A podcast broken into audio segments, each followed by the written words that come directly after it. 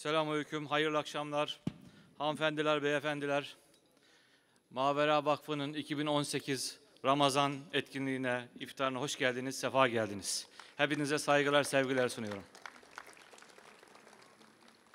Mavera Vakfı Kudüs çerçevesinde deneme yarışması düzenledi. Bu çerçevede de bu iftarımızda inşallah 13 arkadaşımız, kazanan arkadaşımıza da e, hediyelerini burada hep beraber duymuş, bilmiş olacağız inşallah. Hep beraber öğrenmiş olacağız. Saygıdeğer dostlar, Mavera dostları, Müslüman alemi olarak her yıl Ramazan ayında iftar sofralarında bir araya geliyoruz. Bu sene de yine mahzun bir Ramazan idrak ediyoruz. Arakan'dan Libya'ya, Suriye'den Yemen'e, Afganistan'dan Filistin'e uzanan çok geniş bir coğrafyada her gün din kardeşlerimizin katledildiğine dair haberlerle sarsılıyoruz. Öyle ki İslam coğrafyasını kuşatan bir şiddet, şiddet sarmalı her geçen gün daha dozunu artırıyor ve bizler de bu durumu çaresizce izlemek durumda kalıyoruz sadece. Televizyon ekranlarına, internet sayfalarına düşen parçalanmış bedenler, üst üste istiflenmiş ceset yığınları haber arşivlerine sıradan bir kayıt olarak geçiyor. Hepimizin hafızalarında hala taptaze duran 15 Temmuz darbe girişimiyle Türkiye Müslümanları olarak da benzer bir ateş çemberinin kıyısından geçtik. Yüzlerce kardeşimizi bu hain girişimde şehit verdik ve binlerce insanımız yaralandı. İçinden geçtiğimiz bu karanlık zaman tünelini aydınlatacak bir meşaleye, İslam coğrafyası üzerinde kümelenen karanlık bulutları dağıtacak bir esenlik rüzgarına ihtiyacımız var. Öyle sanıyorum. Öncelikle yaşadığımız bu acılı günlerin aklı selim muhasebesini yaparak yola koyulmalıyız. Bunun ön şartı da mevcut fotoğrafa bakarken geçmişten gelen müktesebatı defalarca gözden geçirmek durumundayız. Bunun için de gelin isterseniz tarihin karanlık birkaç sayfasına birlikte yeniden bakalım. Çünkü bugün yaşadıklarımız kökleri geçmişten beslenen hesaplaşmadır sadece. 1071 yılında Selçuklu Sultanı Alparslan'ın Bizans ordusunu Malazgirt'e yenilgiye uğratmasıyla coğrafyamızın tarihinde çok önemli bir kırılma yaşandı.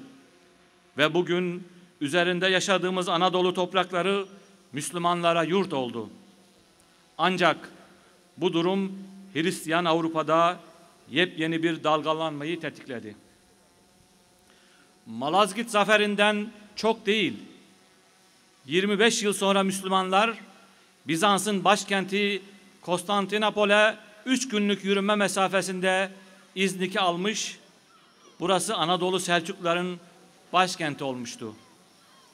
Ancak çok geçmeden genç Selçuklu Sultanı'nın İznik'teki sarayına ürkütücü haberler ulaşmaktaydı.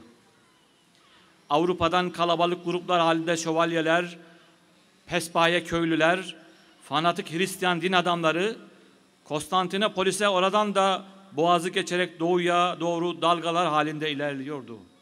Henüz 17'sinde olan Sultan Kılıç Aslan daha olup biteni anlamaya çalışırken çok geçmeden büyük tehlike başkent İznik'in önünü dayanmıştı bile. Genç sultanın ordusu 20 bin kişilik ilk yağmacı grubu kılıçtan geçirse bile ardından gelen daha büyük ve zırhlı kalabalık dalgaya karşı direnememiş İznik düşmüştü. Başını Sultan Kılıç Aslan'ın çektiği Anadolu direnişi tüm Anadolu boyunca sürmüş olsa bile 1099 yılında ilk yağmacı Haçlı Birliği'nin Kudüs'e girdiğini, Müslüman ve Yahudi gözetilmeden şehir ahalisinin önemli bir kısmı kılıçtan geçirildiğini naklediyor kaynaklar. Kudüs düştükten sonra canını kurtarmaya başaran bir avuç Müslüman can havliyle Abbasi halifesinden yardım istemek için Bağdat'ın yolunu tutmuşlardı. Amin Malfuf Arapların gözünden Haçlı Seferleri kitabında o günleri şu çarpıcı cümlelerle anlatıyor.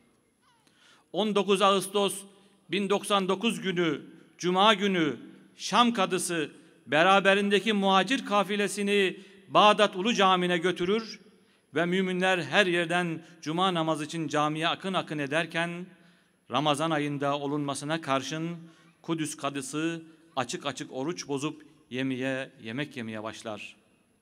Bir anda çevresinde öfkeli bir kalabalık birikir. Askerler de tutuklamak üzere yanına yaklaşır. Ama Ebu Said ayağa kalkar ve çevresindekilere binlerce Müslümanın katledilmesini ve İslam'ın kutsal yerlerinin yıkılıp yok edilmesini hiç umursamazken bir kişinin oruç bozması onları niye bu kadar sarstığını sorar sakin sakin. Kalabalığı böyle susturduktan sonra Suriye'nin Biladü Şam'ın ve özellikle de Kudüs'ün üstüne çıkan felaketleri ayrıntılarıyla betimler. İbn Esir muhacirler hem ağladılar hem ağlattılar diyecektir. Kudüs'teki vahşetin ve yağmanın canlı tanığı bir avuç insanın halifeden yardım talebi maalesef sonuçsuz kalacak. Günler geçtikçe umut yerini karamsarlığa bırakacaktır. Yine o günkü ruh halini kavrayabilmek için malufun cümlelerine kulak verelim. Şam kadısı El-Herevi Eylül 1099'da Abbasilerin başkentinden ayrılırken Sultan Berk Yarık'la Berk Yaruk'la görüşmeyi başaramamıştır. Çünkü sultan İran'ın kuzeyinde kendi kardeşi Muhammed'e karşı sefere sefere çıkmıştır. Bu mücadeleden galip çıkan Muhammed Ekim ayında Bağdat'ı ele geçirir. Ama bu saçma çatışma henüz sona ermemiştir. Hatta artık bir şey anlamaya da gayret etmeyen Arapların şaşkına dönmüş bakışları altında giderek gülünç bir hal alacaktır. Şu manzaraya bakın ve hükmü siz verin. Ocak 1100'de Muhammed Bağdat'ı alelacele terk eder ve Berk Yaruk muzaffer bir eda ile şehre girer. Ama yeni durum çok düş sürmez çünkü ilkbaharda şehri yeniden getirir. Sonra Nisan 1101'de bir yıllık bir boşluğun ardından yeniden ele geçirir ve kardeşini ezer. Abbasi başkentinin camilerinde cuma hutbesi yine onun adına okunur. Ama Eylül ayında durum bir kez daha tersine döner. Kendisine karşı ittifak yapan iki kardeşinin kuvvetleri tarafından yenilgiye uğratılan Berk Yaruk kesin olarak saf dışı edilmiş gibidir. Ama bu kanı ancak onu tanımayanlar açısından geçerlidir. Uğradığı bozguna karşın inatla Bağdat'a döner ve şehri birkaç günlüğüne ele geçirdikten sonra Ekim ayında yeniden kovulur. Ama bu kez de yokluğu kısa sürer çünkü Aralık ayında şehri ona geri veren bir anlaşma yapılır. Bağdat 30 ay içinde 8 kez el, el değiştirmiş, yani 100 günde bir başındaki yönetici değişmiştir. Ve tüm ve bütün bunlar batılı istilacıların fethettikleri toplardaki varlıklarını sağlamlaştırırken yaşanmıştır. İbn Esir güzel bir zaafı suri yaparak sultanlar pek anlaşamıyordu.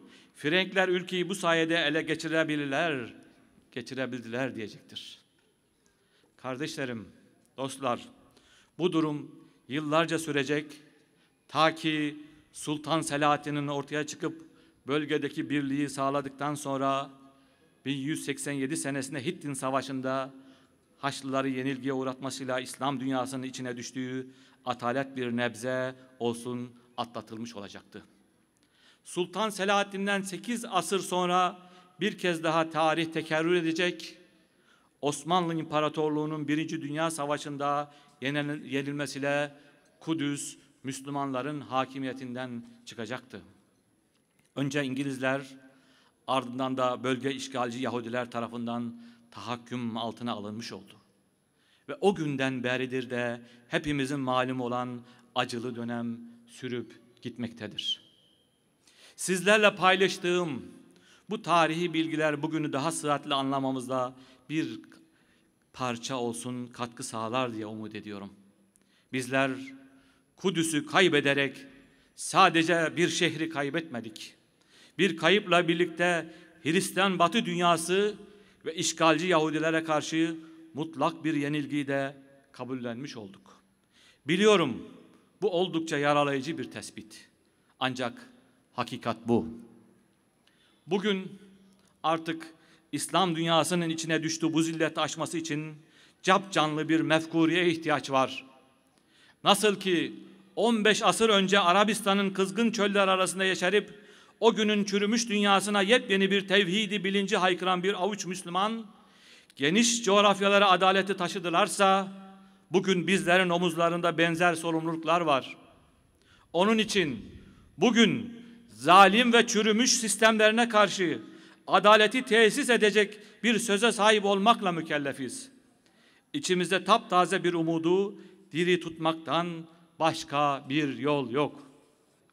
Büyük şair Nizar Kabbani Kudüs'ün en karanlık günlerini yaşadığı zamanlarda bile içindeki umudu nasıl diri tuttuğunu gösteren birkaç misrasını paylaşmak istiyorum sizlere. Ey Kudüs, ey şehrim, ey Kudüs, ey sevgilim, yarın, yarın çiçek açacak limon, sevinecek yeşil sümbüller ve zeytin, gözler gülecek, geri dönecek göçmen güvercinler, tertemiz yuvasına ve geri dönecek çocuklar oynamaya, buluşacak babalarla oğullar. Ey memleketim, ey barış ve bereket şehri.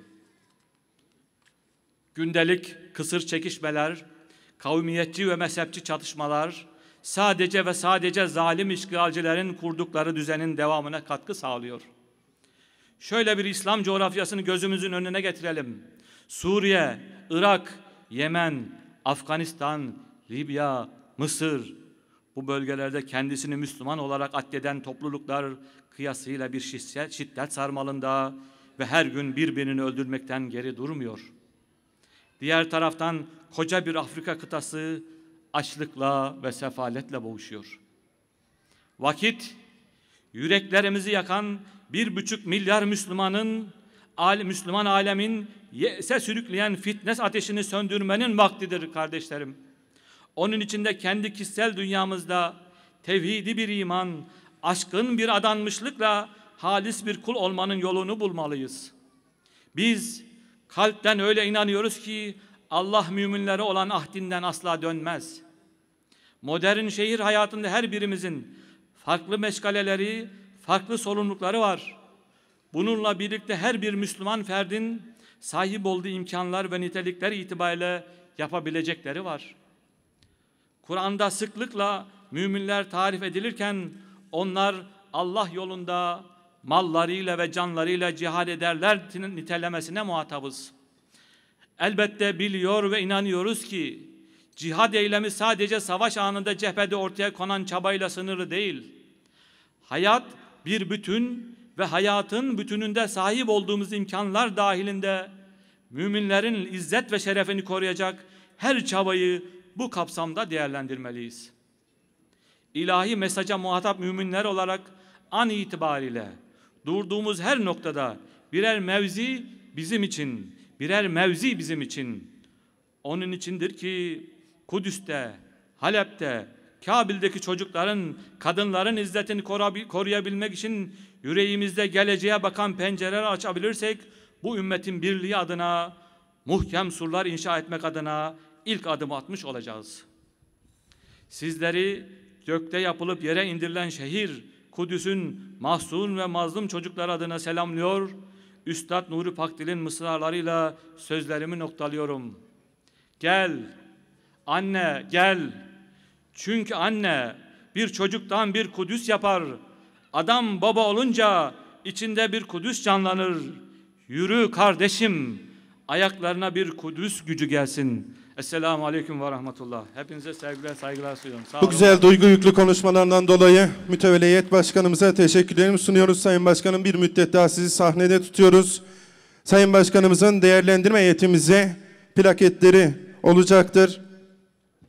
Huzurlarınıza değerlendirme üyelerini davet ediyorum. Zekeriya Erdim Mavera Vakfı mütevelli üyesi Profesör Doktor Durmuş Günay'ı, Ferman Karaçam Bey'i, Süleyman Çelik Bey'i, Mürsel Sönmez Bey'i sahneye davet ediyoruz.